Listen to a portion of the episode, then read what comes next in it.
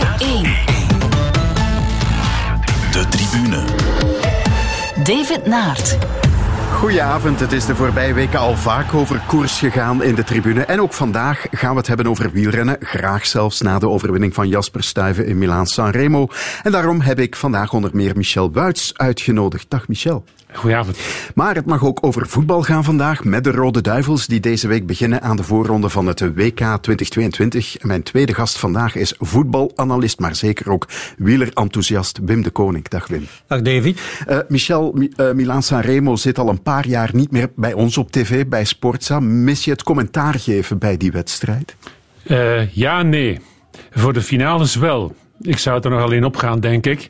Uh, pakweg, laten we zeggen, vanaf de Capo Berta. Uh, gespannen vooraan op mijn zetel met mijn neus tegen het scherm.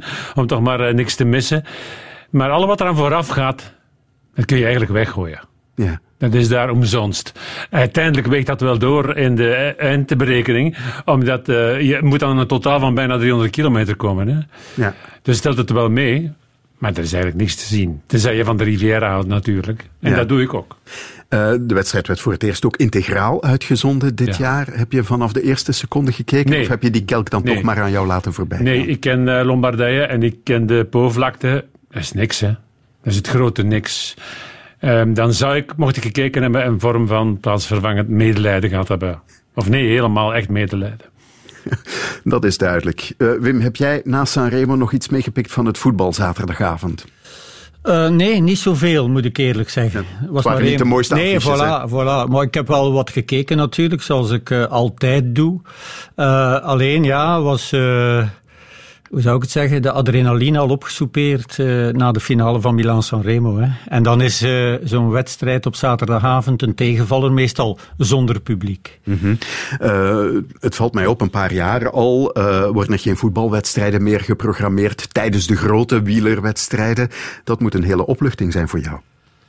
Of ja. wat zou je dan kiezen nee, als maar, je moest kiezen? Maar ik weet niet of ik het hier al eens verteld heb, maar er was ooit een finale van een WK. En dat was uh, tijdens een bergrit van de Ronde van Frankrijk een hele erg belangrijke rit in de Ronde van Frankrijk. En toen heb ik naar die rit in de Ronde van Frankrijk zitten kijken. West, West, of Duitsland won met 1-0, maar het was geen mooie finale. Maar ik heb toch naar de koers zitten kijken. Ik zeg, ik kan altijd nog wel terugkijken uh, naar, uh, naar die finale, maar die heb ik niet meer terugbekeken, om eerlijk te zijn. Ja. Goed, we gaan beginnen met de momenten van de week. En Michel, dat van jou komt uit de koers. 10 minuten 50 seconden. Nu 52, nog 20 seconden voor Wout van Aert om de toptijd van Stefan Kuhn te kloppen. Gaat Wout van Aert de tijdrit winnen in San Benedetto del Tronto? 12 seconden nog op dit moment. Hij komt naar de streep en gaat dat doen met de vingers in de neus. Wout van Aert wint de tijdrit. Paf, binnen 11 minuten en 6 seconden. 6 seconden sneller dan de tussentijd, de toptijd moet ik zeggen, van Stefan Kuhn en een gemiddelde van meer dan 54 kilometer per uur. Ja, ja, ja! ik had natuurlijk uh, dit jaar al gehoopt om terug een stap vooruit te zetten in de tijdrit. En uh, ik was vorig jaar kort in de buurt, dus ik hoopte wel uh, kort bij die mannen te zitten. Maar om ze gelijk te kloppen, dat is natuurlijk wel echt goed voor het vertrouwen. Uh, ik heb al op een tijdrit gewerkt in Tenerife, maar richting de zomer gaan we dat nog veel intensiever doen. Dus ja, het is, uh, zoals ik zei, echt goed voor het vertrouwen dat ik die man even dag al kan kloppen. Dat was Wout van Aert na zijn overwinning in de afsluitende tijdrit van Tirreno Adriatico. Waarom heb je dit gekozen? Omdat het allesomvattend is. Alles wat in Van Aert zit, komt er hier uit. Een onvoorstelbaar vermogen, um, een ijzersterke mentale instelling, uh, het perfectionisme. Ondanks het feit dat hij al vier keer top 5 gereden had in die ronde, één keer uh, top 10, één rit laten lopen had in de sprint, haalt hij dat er dan toch nog uit. Het um, herstelvermogen dat hij daar uh, tentoonspreidt, dat is fenomenaal. Um, dus ik denk niet, ik denk niet dat hij nog heel veel last had uh, van Tirreno Adriatico in Milan-San Remo, vermits hij in die tijdrit en de Europese kampioen, de wereldkampioen, echt naar achteren verwees. Met respectievelijk 5 seconden en 11 seconden. Dat is een prestatie om u tegen te zeggen. Bovendien wijst dat ook op het feit dat hij gewerkt heeft aan dat uh, tijdrijden op stage in Tenerife bewijst dat ook uh, dat ze niet zomaar de overstap gezet hebben naar een nieuwe fiets, naar Cervelo. bewijst ook dat hij uh, in al zijn uh, perfectionisme gezocht heeft naar een nog betere positie. De handen wat hoger, het aangezicht nog wat lager, nog wat dichter tegen die vuisten aan, de rug nog wat platter. Um, dat is een eeuwig zoeken. Dat is haast hogere wiskunde. En die jongen die neemt dat allemaal aan en die zet dat om in topprestaties, alsof dat schijnbaar niks is. Daar ga ik voor op mijn knieën zitten. Ja, ik was heel erg blij dat hij die tijdrit won. Want ik had de dag voordien nog met mijn zoon gediscuteerd over het feit van, wil hij niet te veel? Hij kan alles zodanig goed en hij wil het allemaal ook als de beste kunnen. Maar overal is er ene net iets beter dan hem. Alaphilippe in 2K, uh, eh, Ghana op 2K tijdrijden, Van der Poel in, uh, in de cyclocross net iets beter. Um, hij, wil, hij wil ook uh, Tirreno Adriatico winnen. Pogacar is dan net, is overal tweede, zei ik. Is dan niet beter dat hij zich echt wel specialiseert of een aantal zaken laat vallen? Of is hij nog aan het ontdekken? Ik weet het niet. Maar door het feit dat hij dan opeens die tijdrit won, was zoiets van, oeh, heeft daar toch weer al op gewerkt. Hij is daar toch weer al in verbeterd. Hij klopt wel, Ghana, die tien tijdritten naar elkaar had gewonnen, zeker. Hè? Dus ja, dat, dat was dan toch wel weer iets van, ja, ik kan het misschien wel allemaal. Oké, okay. in een grote ronde, daar gaat hij de, klas, de klassementen wel moeten laten vallen. Dat Zij wereldtop in het tijdrijden? Ja. ja. Zij wereldtop in het sprinten? Ja. Ja, ja Zij wereldtop in het rijden van klassiekers? Ja, ja. met absolute zekerheid. Ja. Uh, sluit hij bij de wereldtop aan in het klimmen? Ja. Ja. Maar is hij misschien wel de beste in specifieke klassiekers ter wereld? Ja niet alleen top, maar echt de beste. En moet hij zich daar dan niet gaan oprichten voor een hele lange tijd? Volgens mij heeft hij de luxe dat hij kan variëren. Hij kan zich nu nog gaan toeleggen op de dingen die hij wil winnen, waarin hij wellicht zal excelleren. Dat is de Ronde van Vlaanderen met zekerheid Parijs-Roubaix. En dan uh, kan hij over twee of drie jaar switchen naar uh, luik bastenaken luik uh, Waalse Pijl is misschien iets moeilijker. Je zit de stijltegraad van de muur ja. van Hoei. En dat honkvaste karakter van de Walen. Um, dus zeg ik nu van wat kan hij niet? Dus heeft hij de luxe van de keuze uh, over dit en 7, 8 jaar. En tot zo lang alles combineren. Zoals hij nu aan het doen is. Want ja, het, het moet enorm veel vergen. Tenzij ik ben overtuigd dat ja. hij uh, wel op tijd en stond de rustpauzes inlast. Maar die zullen korter zijn dan vroeger het geval was. Men legde er vroeger een goede maand de riem af. Hij doet dat niet meer. Hè. Hooguit 14 dagen, drie weken. Ja. En dan is hij weer bezig. Ja. En hij last ook tussentijdse pauzes in, in het seizoen om weer sneller te pieken. Maar wat mij vooral opvalt bij zo'n gast, en ook wel bij Van der Poel, maar ook en vooral bij Van Aert, is die, uh, ja, die persoonlijkheid. Hè. Dat zelfvertrouwen en toch die bescheidenheid. Hè. Omdat, en, en de eerlijkheid om na een wedstrijd onmiddellijk de juiste analyse te maken. Zo moeilijk. Dat kan hij inderdaad uh, als de beste.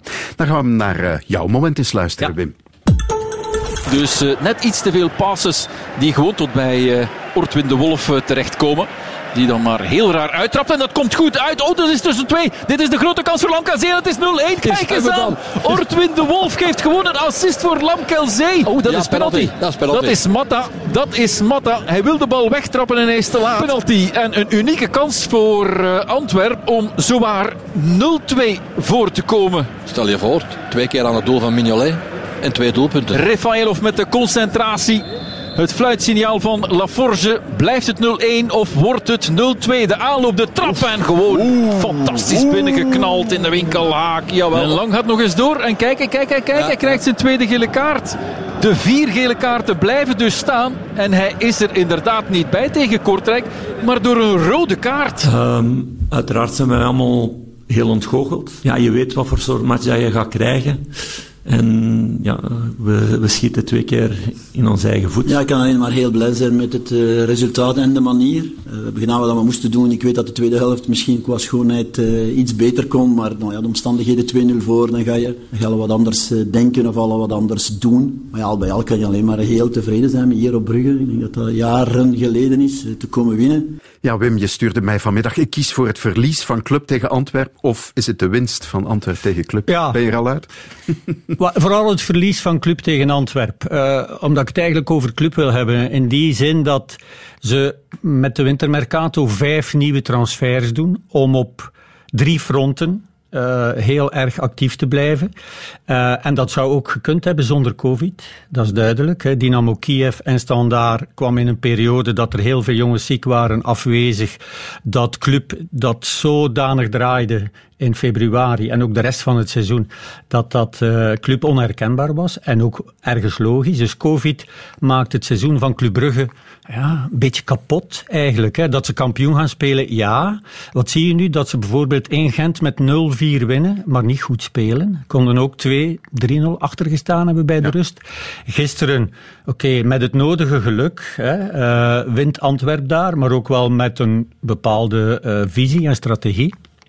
Maar club is zijn um, ja, frisheid, zijn speelsheid, zijn um, enthousiasme kwijt door één, die uitschakelingen tegen Kiev en tegen Standaard, dus nog op één vlak actief, waar ze het al vast hebben.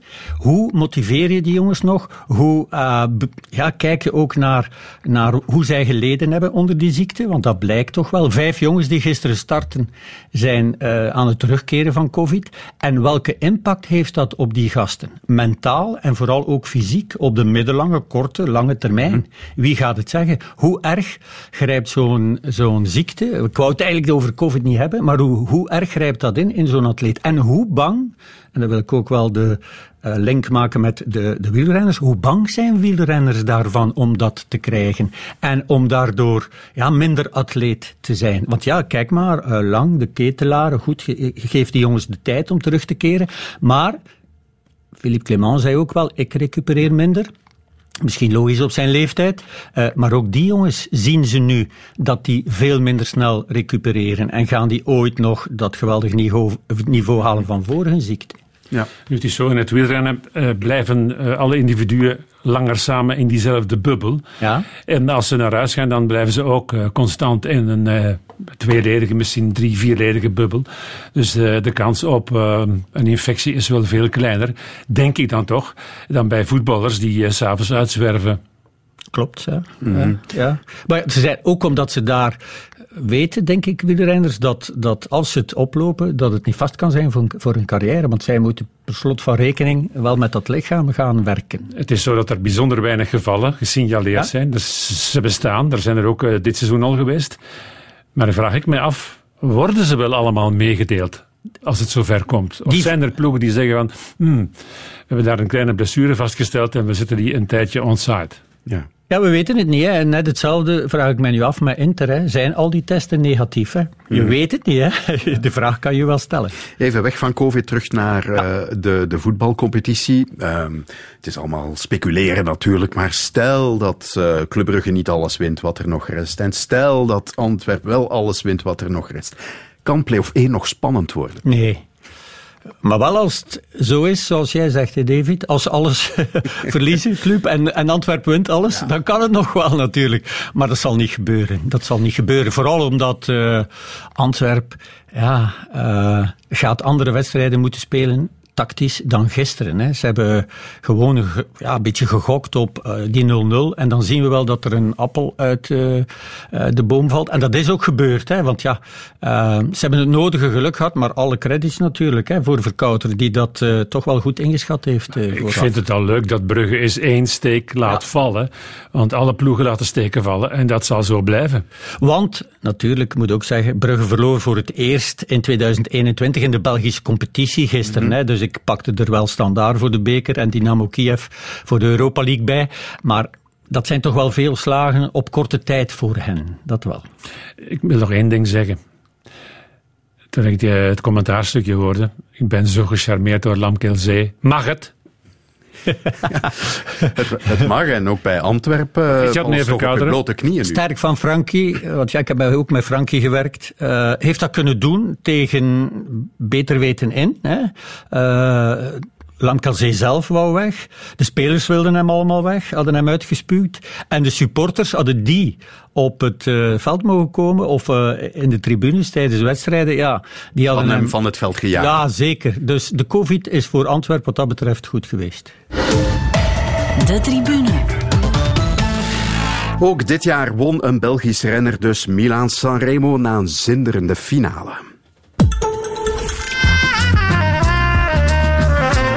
Proberen iets te doen. Wie gaat demareren? Stuiven, ja zeker goed. Dit is je kans man. Tuurlijk, ik wou het net zeggen. Als het even stilvalt, ga demareren. Stuiven die ruikt zijn moment. Hij doet het nu op eh, een lepe manier. Hij doet het op een prima lepe manier, Jasper Stuyven. Je doet het goed, man. Echt waar. En een tegenaanval van Seun Kraan Andersen. Dat is nog zo'n lepe kerel onder de vod van de laatste kilometer. Seun Kraan Andersen en Stuyven draaien nu naar links. Naar links, 900 meter nog. Wat een spanning. Nagelbijtend, nagelbijtend. Stuyven is aan het pokeren. Stuyven is aan het pokeren. Om te winnen moet je pokeren. Moet je durven verliezen. Stuyven zit in het wiel van Seun Kraan Andersen. En die wil zo graag, die wil zo graag blijven zitten. Jasper blijven zitten. Mr. Follow, follow. Op tijd achterom kijken. Op tijd achterom kijken. Niet te laat beginnen, Jasper Stuyven. Niet te laat beginnen. Stuiven voor een monument. Nu moet je aangaan. En ze komen van ver. Van der Poel heeft zijn sprint ingezet. Stuiven voor Milan Sanremo. Stuiven gaat Milan Sanremo winnen. Stuiven wint Milan Sanremo. Dit is een les in wielrennen van Jasper Stuiven. Van tactisch durven gokken, meesterschap, twijfelen, wachten, iemand de kastanjes uit het vuur laten halen, gokken en denken ik doe het niet en dan kan je winnen. Some they follow, follow them, close them eye. Ja, Michel, ik zal maar meteen met de deur in huis vallen. Wat vond jij van de wedstrijd of die zinderende finale? Het is uh, hartverwarmend dat een uh, stadsgenoot wint. Het is ook hartverwarmend dat een uh, dorpsgenoot prima commentaar geeft. en die twee samen, dat bezorgt je een fantastische namiddag. Anderzijds is het zo dat ik uh, Jasper Stuyven al een hele tijd volg, van beide jongeren. Ik heb wel eens een ploegenvoorstelling gedaan op uh, laag niveau, op niveau van juniorenbelofte van zijn team, Ovita IJsen. En dan stond je daar voor Kuifje in Wonderland. Toen al wereldkampioen bij de junioren, maar met een open mindset ongevoortdurend uh, stelen, intelligent in de weer, om alles op te pikken. Uh, uit een gezin dat totaal geen verwantschap heeft met koers. Ehm, mama en papa kwamen me dan aanspreken en dat was verhelderend, dat was prettig. Mensen die totaal niet weten of wisten hoe de wereld in elkaar zat en dan wel eens even vroegen van, moeten we onze Jasper daar nu helemaal in loslaten? Ik zeg ja, um, ik denk dat hij slim genoeg is om dat allemaal zelf af te tasten van hoe het allemaal draait en gaat. En geef hem vooral tijd. En wat mij vooral charmeerde, hij werd dan weggeplukt vanwege zijn talent door Bond Ranger, een Amerikaans gezelschap. En het jaar nadien was hij weer op de ploegenvoorstelling van dat kleine ploegje Ovita IJssen om zijn teamgenoten van het jaar ervoor een hart onder de riem te steken. Hé hey jongens, ik ben jullie niet vergeten. Dat was voor mij al een signaal van, oh, in het oog houden. Al wist ik toen al dat hij nooit een veelwinnaar zou worden. Mm -hmm. Hij werd wel wereldkampioen in Moskou, op dezelfde manier zoals hij nu Milan Sanremo gewonnen heeft. Het jaar daarop uh, won hij Parijs-Roubaix in die wereldkampioenentrui. Maar was hij vooral in de weer voor zijn ploegmakkers. Als tweedejaars junior. En dat altruïsme, die opofferingsgeest, die heeft hij nu nog altijd. Hij wordt op de handen gedragen binnen die ploeg van Trek. En dat merk je en dat zie je aan alles. Ik heb zelden zoveel blijdschap gezien van een gezelschap met dezelfde kleuren als na Milan Sanremo.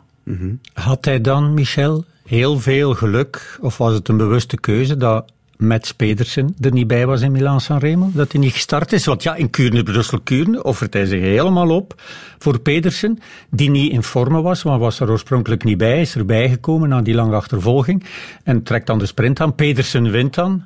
Uh, ja, als hij er was bij geweest, denk ik, en hij was de Poggio overgeraakt, dan had hij ook voor Pedersen gereden. Ik ga eerlijk zijn, ik had uh, notas genomen tijdens de uitzending, want af en toe steek je iets op, uh, zeker van de Nederlandse co-commentator, um, die uh, af en toe wel eens dingen zei waarvan ik dacht van, ja, dat zou ik niet gezien hebben. En toen had ik ook genoteerd, waarom neemt Mats Petersen zijn verantwoordelijkheid niet? Waarom zit hij niet in Milan Sanremo? Ja, ja, die is vrijdag gestart, hè? In dat, heb ik, dat heb ik dan achteraf ja. wel herzien. Ja. Ah, ja. Ja? Daar moet je eerlijk in zijn. Hè? Dus zo iemand zou eigenlijk Minas Sanremo moeten kunnen rijden. Maar uh, het siert de ploegleiding dat ze wellicht veronderstellen dat Mats Petersen niet over die Poggio geraakt. En dat ze met Stuyven wel een pion hebben die kan winnen. Mm -hmm. Ja, dat is een goede keuze geweest. Hè? Ja. ja. Je hebt het... Uh gehad in je beschrijving uh, van Jasper Stuyf als een, een, een slimme man, hè? Ja. een verstandige kerel. Ook in de koers, hè? Als, hij, als hij goed is, neemt hij vaak de juiste beslissing. We gaan even luisteren. Voor mezelf is, is een overwinning waar, waarvan ik voor mezelf vind dat het is op de dagen dat ik echt goed ben, eh, maak ik meestal wel op de, heb ik de tijd om alles op tijd over na te denken. Zie ik, maak ik de juiste tactische beslissingen. Ehm, en ook de been natuurlijk ervoor hebben. En dat dat, dat, voor mij eh, een beetje, ja, ik ga niet zeggen eh, de Jasper move is, want het is gewoon als je goed bent, dan, dan ziet je alles, dan denk je aan alle dingen. ehm, en dan vind je dat moment makkelijker. Ehm, ja, ik denk dat inderdaad eh, dat, ik, ja, dat ik zeker sterk was, maar dat ik ook ja, ehm, de, goede, de goede beslissingen maakte. Dus ook wel eh, tactisch eh, zeker in orde was gisteren. En dat allemaal terwijl er met een rotvaart gekoerst werd. 45, 45-1. De op twee na snelste uit de geschiedenis. Maar dat typeert hem. En dan leunt hij toch wel dicht aan bij de typering van Van Aert. Hij kan van alles wel wat. Eh, Zijn snelheid is wellicht zijn grootste troef, maar die is niet hoog genoeg om een massasprint eh, te winnen. Dus moet hij één, eh, over een goede dag beschikken. En twee, de juiste zet doen op het juiste moment. En dat is de moeilijkheidsgraad in Milan-San Remo. Ik heb het daar net al hogere wiskunde genoemd. Je moet echt op dat ene moment, op die ene fractie, de juiste zet doen. Want je krijgt geen tweede kans. Je kan niet meer herstellen. En dat doet hij. Hij gaat op een onverwacht moment, op het laatste stuk van de afdaling, hij rijdt dan alleen de Corso Cavallotto. in. En heeft dan het geluk dat eh Kra Andersen vrij snel op het wiel zat. Toen dat gebeurde, gaf ik er eigenlijk geen cent meer voor. En toch, vijf seconden recuperatie aan het wiel, om dan ja, eh, dwars door het melkzuur te gaan. Hè. Ja, maar hij zei, als Ander- Andersen, Kraan Andersen bij mij kwam, dan pakte hij onmiddellijk over in het idee van dat hij mij er kon afrijden. En hij zei, het heeft even vijf, vier, vijf seconden geduurd voor ik eh, echt wel het gevoel had van, oeh, hij gaat er mij niet afrijden. Dus hij heeft even kunnen herstellen. En dan heeft hij tactisch goed gespeeld, maar heeft het, allee, het geluk, het is geen geluk, hè, want ze konden allemaal demareren daar beneden. Heeft het geluk gehad dat Juwen mee was. Hè. Ja. Ik denk dat hij anders niet wegrijdt. Dat klopt. Maar Ja. eh, dat dwing je natuurlijk ook af Ja, door zeker. dan dat in te zien en dan te demareren. Hè? Omdat hij ziet van, oh, dat is hier een rem op alle initiatieven van de zogeheten G3. Ja, zeker. Ja. Er werd ook gespeculeerd, de vriendschap met Wout van Aert, dat die ook een rol heeft gespeeld. Dat, eh, Ik ben ervan overtuigd dat dat voor een ticketje meegespeeld heeft. Eh, Dat Van Aert gedacht heeft in een eerste opwelling, ja, daar ga ik nu niet achter. Ja. Ah, nee, want dan verlies ik ook. Ja. En dan wint er een ander. Ik heb dan liever dat Stuiven wint. Want gecounterd word je, word je in Milan-San Remo altijd. Zeker als topfavoriet en op dat moment. Maar kijk naar Alaphil- Alaphilippe, wat doet die nog de laatste kilometer? Onbegrijpelijk. Ja, hè, ik vond dat ook. onbegrijpelijk. Ik vond dat ook. Dat is een beetje tussen de, door de mazen van het net gevallen. Maar die sleurt er als een gek aan de kop. Ehm, weet hij dan niet dat eh, Bennett daar op dat ogenblik niet meer is? Ja, hij weet dat wel, want dat is via de oortjes meegegeven. Dus het is aan jou, doe maar je zin. Maar wat hij dan doet, dat is zich ja, op een vrij eh, ja, gortige manier verloren rijden. Ja, ik dacht misschien wil hij als wereldkampioen zijn, zijn eh, verantwoordelijkheid nemen. Dat is misschien de enige uitleg die ik kan hebben. Maar Maar van mij, opwelling van edelmoedigheid. Van, Ja. Ik kan niet meer winnen, maar ik toon hier toch nog eens mijn goede wil. ja, maar ik denk dat Steels vanuit eh, de auto zeker niet eh, instructies zal gegeven hebben om dit te doen. Hè? Nee, Nee, want niet nu was hij zeventiende. Maar hij zal wel ondervonden hebben bij zijn demarrage op de Poggio dat er ook niet meer in zat. En dat de sprint die hij vorig jaar nog had, en zeker het jaar daarvoor, toen hij eh, won in een sprint van acht, dat die er onmogelijk nog zou uitgekomen zijn. Ja, waarschijnlijk wel. Maar je zei er net, ja, goed ingeschat van Trek. Pedersen, die zal waarschijnlijk de Poggio niet over geraken.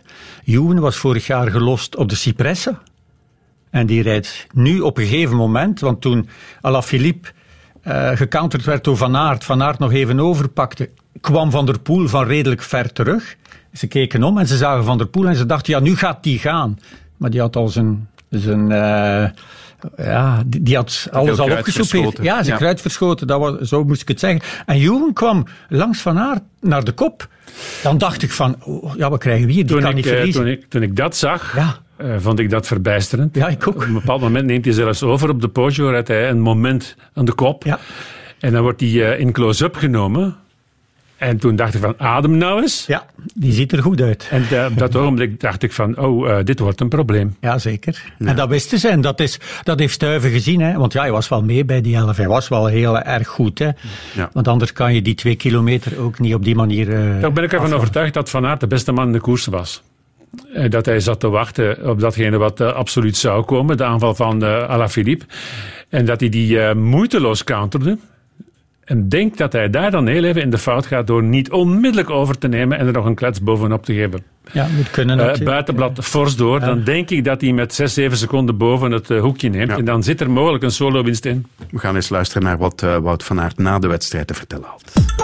Ik zat uh, met Julian wel redelijk vooraan en uh, ja, hij heeft echt die aanzet, dus uh, ik wist wel dat hij dat ging proberen. Ik heb ook direct proberen om het verschil mee op te trekken, maar ja, er, misschien zat er toch minder op dan, dan de, de, vorige twee jaar bij ons, want ja, boven waren we nog met een redelijk grote groep en ja, dat was eigenlijk wat ik niet verwacht had, maar ja, dat bewijst dat het niveau hoog is ja, het liep niet zoals hij het verwacht had. Ik denk dat dat te maken heeft met die hoge snelheid. Ja. Bij een gemiddelde van 45, 10 uh, is het zo dat als je die Poggio opknalt met een uh, snelheid van nog altijd tegen de 40 en zelfs over de 40, dan kom je jezelf sneller tegen. Dan voel je pas wat je in je rugzak hebt. Dan is de kans groot dat je tegen een muur kletst. Dat heeft Alaphilippe ondervonden. Volgens mij van Aert in veel minder mate, maar vooral van der Poel. Want die had niks meer op de Poggio om nog wat te doen. En ik denk dat de aarzeling bij Van Aert ook mogelijk het gevolg is van het feit dat hij dacht van nu gaat Van der Poel van achter mijn rug wegschieten. En die bleef zitten. Ja. En dan deed hij nog een schijnpoging in het zicht van de top. Ja, dat, dat was te laat. Dat was op dat stuk vals plat, dan kom je niet ver meer. Maar dan heb je nog altijd de mogelijkheid op winst in een sprint. Want wie gaat er Van Aert op leggen? Mm-hmm. Ja, Ewan. Ja. ja. Hoe moeilijk moet het zijn voor die drie hoe plezant ook natuurlijk om zo goed te zijn. Maar we gaan ervan uit, of ik ging er eigenlijk ook vanuit, ze gaan met een, onder een drieën alle klassiekers winnen. Ja. Voilà, en nu is het al, uh, het is al om zeep. Is dat een, uh, ja, een verlossing voor die mannen? Ik uh, denk dat een grote troef is dat ze haast volkomen stressloos zijn. Ja. Dat is een zware uitspraak, nee, besef nee. dat. En er zal wel wat gradatie op zitten, er zal een verschil in zitten. Maar ik denk niet dat uh, uh, Van der Poel de ware toedracht van de inhoud van het woord uh, stress kent. Ja. He? Die gaat een spelletje spelen als hij de Strade Bianca gewonnen heeft. Fortnite. Spoken doodschieten. Ja. En om daar de beste in te zijn. van Aert heeft ook een, een, een mindset die is van ijzer. En Alaphilippe die heeft geen tijd om uh, stressvol te zijn, want die is altijd nerveus. Ja, mm-hmm. juist. ja, jij zei, ja? Uh, die grote drie die gaan alles winnen. Uh, Jasper Stuyven zelf noemt dat uh, begrijpelijk, maar hij ziet toch ook kansen voor anderen. Hij heeft dat zelf getoond, ook in Milaan-San Remo. Ik denk die drie zijn, zijn sowieso, steken er echt wel bovenuit als, allee, op heel veel parcoursen. En, maar ik heb het gewoon al zo vaak gezegd, dat wil niet zeggen dat die alle koersen gaan winnen. En, als ik overging naar de profs, heb ik zelf altijd uh, ja, heel veel druk gehad. Uh, omdat ik natuurlijk hoge verwachtingen had uh, door, door, de jeugdcategorieën. Maar ik zei zelf altijd van voor mij is denk ik vanaf mijn 27ste zal ik de renner zijn dat mijn top is. en ik denk dat dat op dit moment mijn vorig jaar omloop nu Sanremo dat, dat dat ook zo is. Hij weet waarmee hij bezig is en vooral hij is nu echt helemaal bevrijd. En hij is um, af en toe omringd geweest door mensen die dat uh, constant uh, blijven inpompen zijn. Je komt er. Je wint een dag een monument. Dirk de Mol. Na het Belgisch kampioenschap in Bench, waar Lampaard wint, dankzij Stuiven, want hij demareert als eerste. Gilbert zit daar als ploegmaat uh, van Lampaard. En Stuiven houdt de benen stil. En Lampaard rijdt naar de titel en hij legt op die manier Gilbert lam. Hij wordt derde.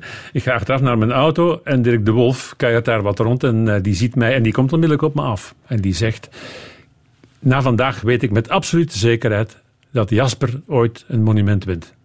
Dirk de Wolf of Dirk de Dirk Mol? de Mol. De Mol, oké. Okay, ja. ja. Die al jaren... Ja, ja, ja, ja, ja, ja zeker. Maar, ja. Ja. En, en hebben we wel gediscussieerd daarover. Ik heb mijn twijfels omdat, omdat, omdat, omdat het meestal net niet is. Dat is een kwestie van tijd. Hij gaat wat meer tijd nodig hebben dan anderen, maar het komt. Ja. Noteer dat maar. Dirk de Mol zei in het laatste nieuws, denk ik vandaag ook, dat hij vroeger net iets te extreem bezig was, te gefocust was. En, en dat dat nu ook anders is. Maar dat had ik nooit in hem gezien, maar dat heb ik nu ook vernomen uh, in een aantal interviews, want nu wordt hij geportretteerd natuurlijk in uh, alle media.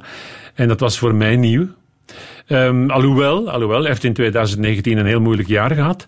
Maar um, dat sloot hij af. De reden waarom. Uh, ik neem ook aan dat dat uh, strikt privé is en dat je dan niet moet uh, zit verzitten de voeten daarin om de reden te kennen.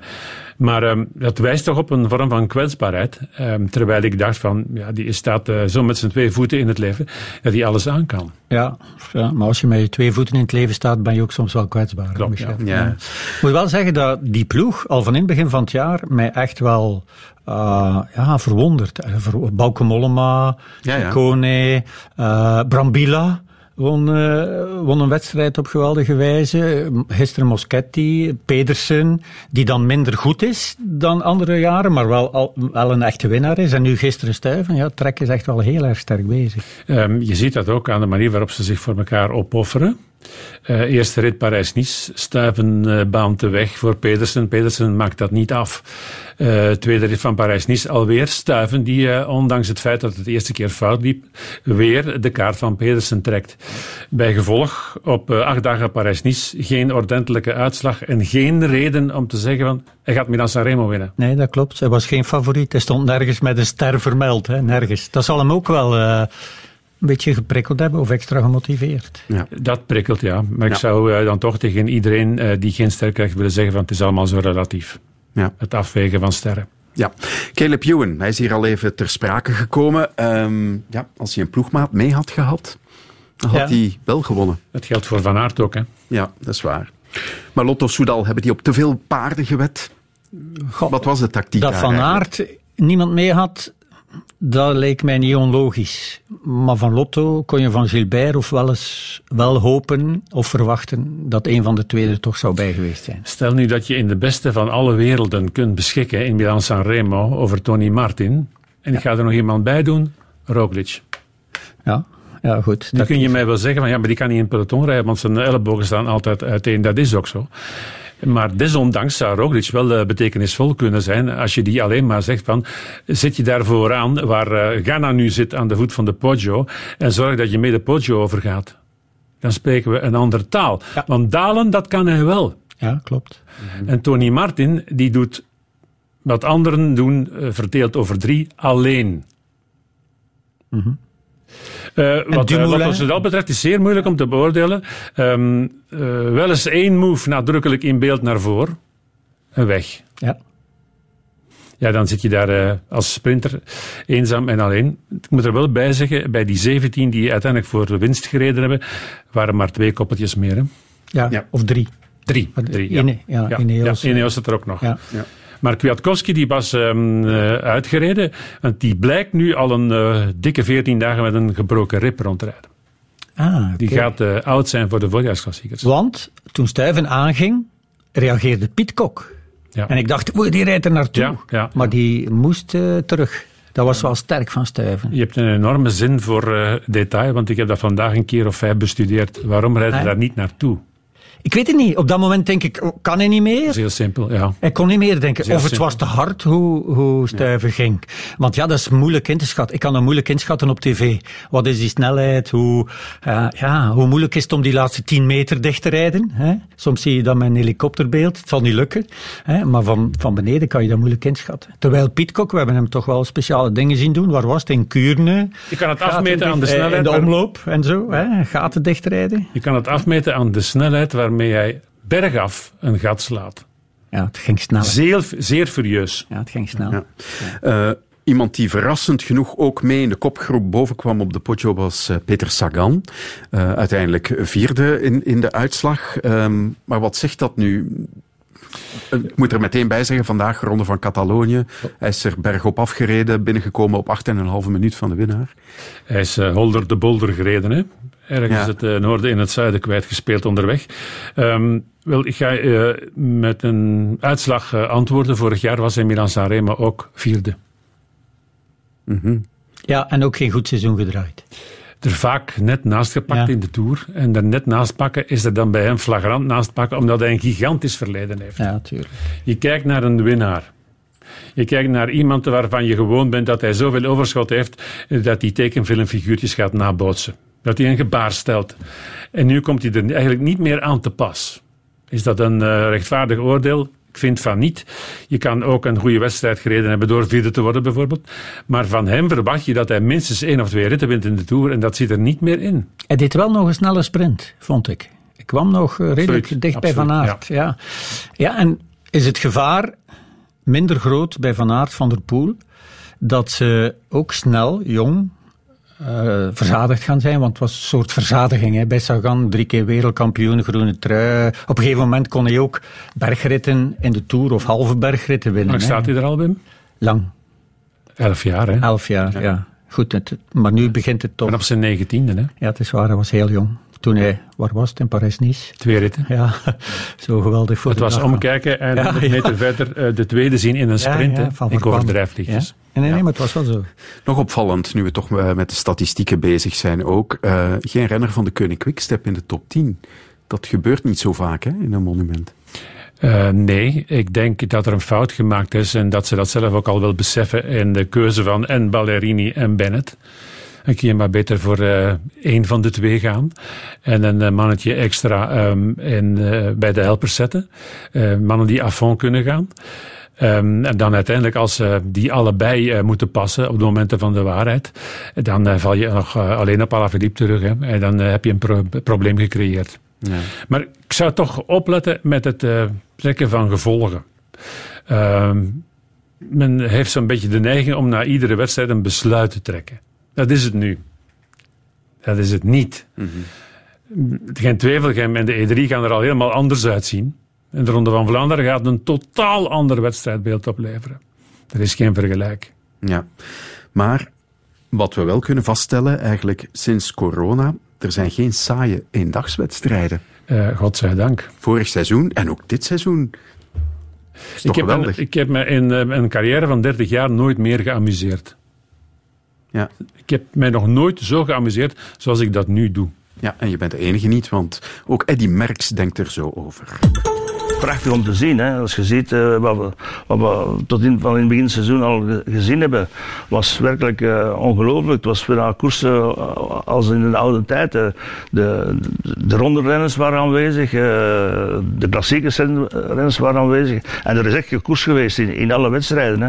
Ik denk ook dat ze misschien schrik hebben dat het zou weer stilvallen en dat de koersen zou verdwijnen. En De laatste weken ook hoort je vaak de term Merxiaans. Welke inspanning voor jou was... Dat, dat, dat zou ik ook gedaan hebben. Ja, dus te zien hoe dat je het inziet. Hè. Ik denk eh, Van de Poel heeft gereden om eh, een rit te winnen. Dat heeft hij ook, twee ritten te winnen, dat heeft hij ook gedaan. Eh, maar hij heeft dan het klassement niet gedaan. Ik denk dat beide combineren eh, is expertiaans. Hij zette nog even de puntjes op de i, Eddy. Terecht, terecht. Ehm, die ene etappe naar eh, Castelfidardo, de hoofdstad van de accordeons overigens, Ehm, dat was... Het lag op ieders lippen. Dat was à la Merckx, maar nee toch. Maar nee toch. Merckx die eh, reed weg op 70 kilometer van de aankomst en bouwde uit tot 5 of 7 minuten. hè. Ik denk aan de Ronde van Vlaanderen van 69. En als hij dat niet deed, ja, dan was er een dik probleem. Dan eh, eh, viel er een moment van rouw. Ik herinner mij uh, Luik Bastenaken-Luik. Ik denk van 1971, toen hij zowaar nog ingelopen werd door George Pintes. Ja. ja. Uh, toen stonden wij zanderdags uh, van miserie kapot op na een nacht van drie uur piekeren. dat we dan dachten van, zou het niet echt uh, bergaf gaan? Maar, maar nee, maar nee je mag die, dat woord met aans erachter niet in de mond nemen. Ja, maar het is dus wel om duimen en vingers bij af te likken. Het wielrennen wint, wint die sport aan nieuwe fans, denk je, met hoe het er nu aan toe gaat eigenlijk sinds, sinds vorig seizoen? Met absolute zekerheid. Ja. Ik denk um, dat dat ondertussen ook al wel zal aangetoond uh, kunnen worden dat uh, er veel instappers zijn in het wielrennen vanuit de jeugd omdat um, figuren als Van der Poel, met zijn ongedwongenheid, met het feit dat hij zegt van ja, voor Fortnite wil ik ook wel eens gaan voor de wereldtitel, dat dat enorm aantrekt. Dat um, dat hij ook geweldig aanzuigt, ook uh, bij het jongere meisjesvolk, bij de jonge vrouwen. Um, dat is alleen maar winst. We hebben een aantal jaren, een decennium geleden, het verwijt gehad dat we een steeds oudere leeftijdsgroep aanspraken. Ik denk dat dat drastisch aan het veranderen is. Ja. Maar we hebben nog werk, hè? We halen bij de Ronde van Vlaanderen en Parijs-Roubaix bij slecht weer een gemiddelde van uh, miljoen drie, miljoen vier. Dat wil zeggen dat er nog altijd vijf à zes miljoen onaangesproken blijven hè, bij ons. Ja. Om af te ronden wat het wielrennen betreft, Parijs-Roubaix. Groot vraagteken, hè? De, de prefect van de Nord en uh, de Pas-de-Calais. Les of Les de France, zo was het. Uh, ja, ziet het somber in voor Parijs-Roubaix. Dat zou dan het tweede opeenvolgende jaar zijn dat die koers sneuvelt. Wat gaat er gebeuren als uh, morgen of overmorgen aan het eind van de week hier plots gezegd wordt we gaan toch nog eens in lockdown? Ja. Ik, Ronde, Ronde, van Vlaanderen die dan op de helling komt. Dat ga ik nu niet beweren. Nee, nee, nee, dat zou dom zijn. Het is vorig seizoen misschien wel door het oog van de naald geglipt, nog net de ronde. Maar we hebben wel vorig jaar bewezen uh, dat wij hier uh, met onze toch wel uh, vrij strikte mentaliteit dat aankunnen om weg te blijven van de wielerwedstrijden en in onze zetel gaan te zitten om te kijken naar de koers. Ik nodig hier bij deze uit om datzelfde weer te doen. En als dat in Vlaanderen kan, waarom zou dat dan niet tussen Compiègne en Roubaix kunnen? Mm -hmm. Misschien omdat ASO minder hard aandringt bij de Franse autoriteiten, vergeleken met Flanders Classics hier Dat bij kan ons. ik me niet voorstellen. Maar... Dat kan ik me niet voorstellen. Als je de Tour de France er doorsleurt, dan moet je Parijs-Roubaix er ook kunnen doorsleuren. Mm -hmm. Tenzij, tenzij echt zo hard bewezen is dat het een absoluut gevaar is voor de volksgezondheid, dan moet je het schrappen. Dan is het je verdomde plicht. Maar zoals het nu zit bij ons, waar er nog geen signalen zijn van het gaat niet door, waarom zou dat niet gaan? Uh, tussen landerijen en op uh, oude kasseistroken. Maar er is nog ruimte in september en oktober ook, dat hebben we vorig jaar gezien. Of niet? Opletten, hè? Ja, dat ja, weet het. Daar ja, zit ook nog uh, ja, een en ander. van Spanje dan? Ja, ja, ja, ik weet ja. het. We gaan een kaars branden voor Parijs-Roubaix. De tribune. De Rode Duivels, daar wil ik het ook nog over hebben met mijn gasten. Uh, dat zijn Wim de Koning en Michel Wuits, voor alle duidelijkheid. Want de Rode Duivels beginnen deze week aan de voorronde voor het WK Voetbal 22 in Qatar. Drie wedstrijden gaan ze spelen, thuis tegen Wales en Wit-Rusland. En tussendoor is er de verplaatsing naar Tsjechië. Roberto Martinez selecteerde liefst 33 spelers voor dat drieluik. Wim, wat dacht jij toen je die selectie onder ogen kreeg? Over de hoeveelheid, het aantal. Ja, hij heeft uh, drie wedstrijden in één week. Uh, wat spelers die uh, twijfelachtig zijn, spelers die misschien niet mogen meespelen, spelers die straks COVID krijgen. Hij heeft een hele ruime selectie gemaakt. Spelers die na de tweede wedstrijd terug moeten. Vermalen bijvoorbeeld, hè. die moet dan naar Japan terug. ja, ik denk dat het een geweldig puzzelwerk was voor hem. En dan zijn er nog een aantal spelers, niet geselecteerd, van wie mensen dachten van, ja, die kunnen misschien nog wel mee. Mm -hmm. Straks naar het EK en, of naar het WK. Maar die zijn niet bij die 33. Dus voor die is het natuurlijk uh, over en out, is het afgelopen. Zoals bijvoorbeeld een Mats Rits, die zich toch had opgewerkt tot iemand die de mogelijke vervanger van uh, Witzel had kunnen zijn. En natuurlijk ook uh, Richie de Laat. Uh, Zeker daar is ook heel wat over ja. te doen, want hij heeft het prima gedaan ook gisteren ja. met Antwerp. Uh, bij de overwinning op Club Brugge. En na de wedstrijd kreeg hij er ook een vraag over. Er is nu rust voor jou. Ik vroeg het net aan Mats Rits, dezelfde vraag voor jou, uh, Richie. Je had liever misschien uh, naar dat oefenkamp geweest hè, en de match gespeeld met de Duivels. Ja, mooi geweest, maar, uh, maar het, is, het is niet zo. Het is, het is oké okay voor mij ook. Voor, het is een lang seizoen geweest, een beetje rust nu. En, zoals ik altijd zeg, als we als trainingskampen en zo van die dingen, dan kun je betere ervaring aan de, aan de jonge spelers geven, dat die dat, dat die dat gewoon worden voor wanneer dat dan nu is. Ja, heb je ooit contact gehad met Martinez? Nee. Nog niet gehoord, nog nee. niet gebeld? Nee. Dat is heel edelmoedig van Richie de Laat. Ja, terwijl hij het wel verdiend had. Hè. Het is de beste verdediger in de Belgische competitie. Terwijl dit wij misschien ook wel nodig ja, hebben zeker. op het EK, ja, ja. als je dat EK tenminste wil winnen. Ja, want uh, achteraan krijgen we de grootste problemen. Hè, als we Eden Hazard even niet meetellen. Hè. Uh, en achteraan moet er geschoven, gedacht worden. Wie kan het, wie kan het niet. Uh, maar het is zo dat hij nog nooit is geselecteerd geweest. Of nog geen Interlands heeft gespeeld. Dat hij ook een carrière heeft die uiteindelijk bij Antwerpen is moeten stranden, bij manier van spreken. Hè. maar daar is hij wel in een club die hem geweldig ligt, met een achtergrond waar hij perfect in past. Uh, maar je ziet toch ook wel dat hij uh, met zijn positie, met zijn plaatsing, met zijn snelheid, met zijn wedstrijdmentaliteit, met zijn enthousiasme, uh, met zijn ervaring ondertussen van, van om te gaan met geweldig goede spitsen waar hij moet tegenspelen. ook al Europees met Antwerpen het geweldig gedaan. Eigenlijk had hij er altijd moeten bij zijn. Eh, Martinez heeft het niet gedaan. Hij zal er zijn reden voor hebben. Zal ze nooit uitleggen natuurlijk. Of Mhm. misschien verwijzen naar de leeftijd. Maar zo oud is hij nu ook niet natuurlijk. Hè? Want Vertongen is er ook nog altijd bij. Vermalen ook nog altijd. Eh, Die zijn toch al een pak ouder dan de laat. Daar maak je jezelf toch ook kwetsbaar mee? Het is teken dat hij overtuigd is van eh, de anderen die hij opgeroepen heeft. En, en dat hij dan een Den Donker bijvoorbeeld als een eh, betere speler ziet. Die al veel meer gewend is om met de, duivels om te gaan. Om desnoods in die positie daar in die drie te gaan spelen. Boyata, noem ze allemaal eh, maar op. eh. dus hij, hij heeft eh, ja, ook Alderwereld. Ik denk niet dat Alderwereld dit seizoen, als je het man per man afweegt, veel sterker heeft verdedigd dan Richie de Laat heeft gedaan. Alleen heeft hij, ja, wat is het, 100 interlands. Daar zal het verschil wel liggen. Alleen, ja, het was geweldig geweest, ook voor onze eigen competitie, om dan iemand uh, ja, er nog bij te nemen die van zo ver komt. Ja. Dat wel. Eden Hazard, je hebt de naam ook al even laten vallen. Die is er niet bij na zijn nieuwe blessure, maar uh, Roberto Martinez die blijft hoopvol zo te horen. It was an initial aspect to see if, uh, if an operation was needed to help the process. I think the medical decision is clear now and it's going to be a conservatory treatment and that's going to be the plan of action. Uh, knowing Eden, uh, what we're dealing with is a player that has never been injured in his career and this is a real shock and it's something new and there is a lot of uncertainty around that but in terms of the injury I feel very positive that we can get to see the best Eden Hazard well before the Euros. We gaan de beste Eden Hazard voor het EK al terugzien. Hij is altijd optimistisch geweest, Roberto Martinez, maar is dat er niet over? Uh, ze zijn een beetje verrast door het feit dat hij nu opeens helemaal moet bijgesteld worden. Dat, het is al te laat eigenlijk. Hè. Het had uh, vroeger moeten gebeuren. Je zag dit toch al heel lang aankomen. Sukkelt van blessure in blessure. Uh, mentaal. Eden geeft altijd de indruk van geen stress te hebben. Het is een beetje zoals Van der Poel. In, uh, ik kan hem wat vergelijken. Um, maar er moeten maar, ja, park. Wat is uh, de oorzaak? Ja, toch duur uh, geweest voor Real. Heel veel van verwacht. werd een beetje op een gegeven moment de opvolger van Ronaldo genoemd. Mm -hmm. Kwam aan met overgewicht. Een vierde kind erbij. Misschien slaapt hij niet goed. Slaapt hij ook wat minder. Het zijn zoveel zaken. Een eerste blessure, sneller terugkomen.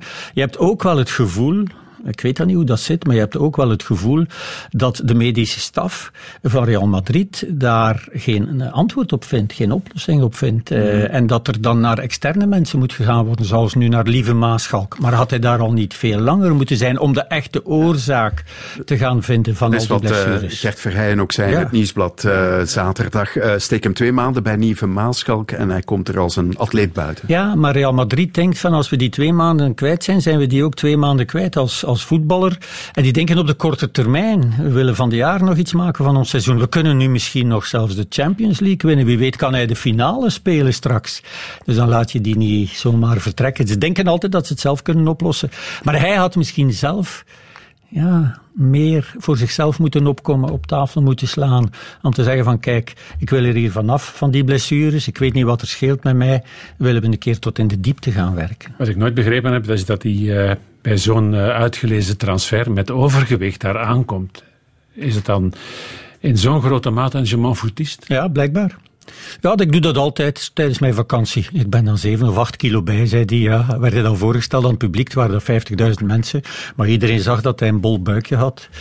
En dan denk je, ja, hoe ouder je wordt, hoe moeilijker dat weggaat. Hè? Licht loopt het daar fout, hè? Ja, zeker. Voor, wat mij betreft wel. Ik heb al veel gezegd. Om, om uh, effectief Ook. snel terug te komen. Ja, en ja, dan, dan scheurt het. Serie, ja, en scheurt langs alle kanten.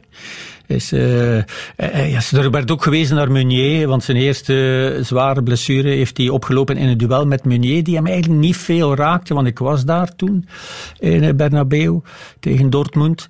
Uh, ja, tegen PSG? Uh, tegen PSG, wat zeg ik? Ja, tikt uh, hem even aan, slaat zijn voet om, probeert nog verder te doen, maar is heel lang oud geweest. En dan is het ene na het andere uh, gevolgd. Ja, van zijn vriend Meunier, hè, die daar inderdaad niks bewust kwaad mee doet. Maar dat was wel ook het begin van alle ellende. Maar zoals Michel zegt, overgewicht. Mm -hmm. uh, een, een, renner zal ook wel eens Sagan. Hè, kom wel eens met overgewicht toe, maar al de rest niet. Hè. Of het is Ja. misschien een kilo of twee Het grote kilo. probleem is dat je vaststelt eh, bij je rentrée dat je er niet staat om eh, een of andere reden en dat je dan eh, in een versneld tempo een inhaalbeweging wil maken en dan komt het.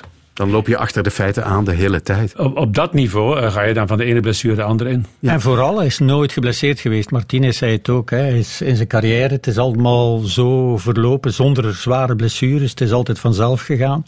Ja. En, en dan is het ook eh, mentaal moeilijk. Maar haalt hij het EK?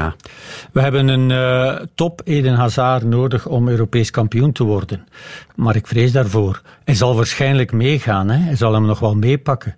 Eh, wie weet voor een kwartier of voor twintig minuten om iets te forceren. Ze hebben dat bij Real ook veel gedaan. Al, alleen, hij forceert het niet. Ook niet als hij inkomt. Ook omdat hij niet eh, fit oogt. Hè. Hij is niet fit.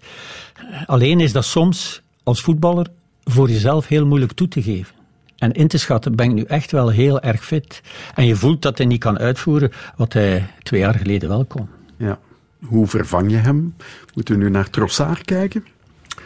Die de jongste weken wel eh, goed op de Ja, is? we hebben heel veel geluk dat eh, Lukaku alsnog toch ga- gaat spelen. En mag spelen. Dat is en nu officieel, is. ja. Hij mag Ja, en want hij zal spelen. Ja, want anders zit je daar en zonder Lukaku en zonder Hazard. En dat is toch wel veel om te wisselen. Zeker omdat de vervangers, als je dan naar Benteke en Batshuayi kijkt, dat dat heel wat minder is dan Lukaku. Het verschil is groot. Eh, maar als je Lukaku hebt, en die heeft dat al bewezen, dat is de man bij Inter. En ook bij de nationale ploeg stilaan, ook als Hazard er niet bij is, is het iemand die iets gaat forceren. Dat voel je. En wie daar dan achter staat, die profiteert daar ook mee van. Dries Mertens zal de ene positie zijn. Want ik dacht zelfs... Gelukkig ook eh, weer top, hè? Zeer, zeer goed. blessure. Ja, ja, ja. Eh, ik dacht van, als Lukaku er niet is, misschien moet je toch wel, zoals in Napoli af en toe gedaan werd, Mertens eens diep gaan zetten. Maar dat doet Martinez nooit. Dus dan kiest hij voor ofwel Benteke of Batshuayi. Batshuayi scoort dan wel veel in de nationale ploeg. Maar de tweede positie, de positie van Hazard, er komen een aantal jongens voor in aanmerking. En zoals het nu is, denk ik dat ehm Trossard de beste keuze is. Want eh, Carrasco niet fit, komt ook van covid terug, was niet goed eh, met de Champions League. Eh, Doku heeft het moeilijk om te bevestigen, kan ook die positie niet goed spelen. Martinez heeft hem daar een paar keer laten spelen. Gisteren deed Verscharen het hè, bij Anderlecht, zo- wat op die positie. Wie weet hoeft hij die niet uit zijn hoed, opletten. Hij durft wel, hè. Martinez met heel verrassende keuzes te komen. Eh, en, en meestal pakt hij ook wel goed uit, eerlijk gezegd. Wat mij opvalt is dat uh, Batshuayi beter tot zijn rol komt en uh, vrijer acteert bij de nationale elf dan uh, bij, in het keurslijf van Crystal Palace. Ja, dan om het even waar. In die nationale ploeg, als we hem niet verwachten, ja, die, die scoort altijd en overal. Dus... maar hij zal niet in die positie achter Lukaku gaan spelen. En dan, ja, misschien wel grote verrassing verscharen. Wie weet. We zullen zien. We zijn al bijna klaar met deze aflevering van de Tribune. De slotvraag is ook nu weer. Waar kijken jullie deze week nog naar uit op sportief gebied? Heel kort, Wim. Oh, Ronde van Catalonië toch volgen. Ik heb nu veel tijd en dan blij, ben ik altijd blij dat er koers is op televisie. Michel? Uh, ik hou het bij ons hier in Vlaanderen. Uh, de Pannen, E3 Harelbeke en Gent-Wevelgem. Dat zijn er uh, drie in vijf dagen. En die koersen zijn te volgen op alle kanalen van Sportza. Dit was de tribune voor deze week. Michel Wuits, Wim de Koning, bedankt voor jullie komst. En de fans van Tom van den Bulke kan ik geruststellen. Want volgende week maandag is hij weer op post voor een nieuwe aflevering van de tribune.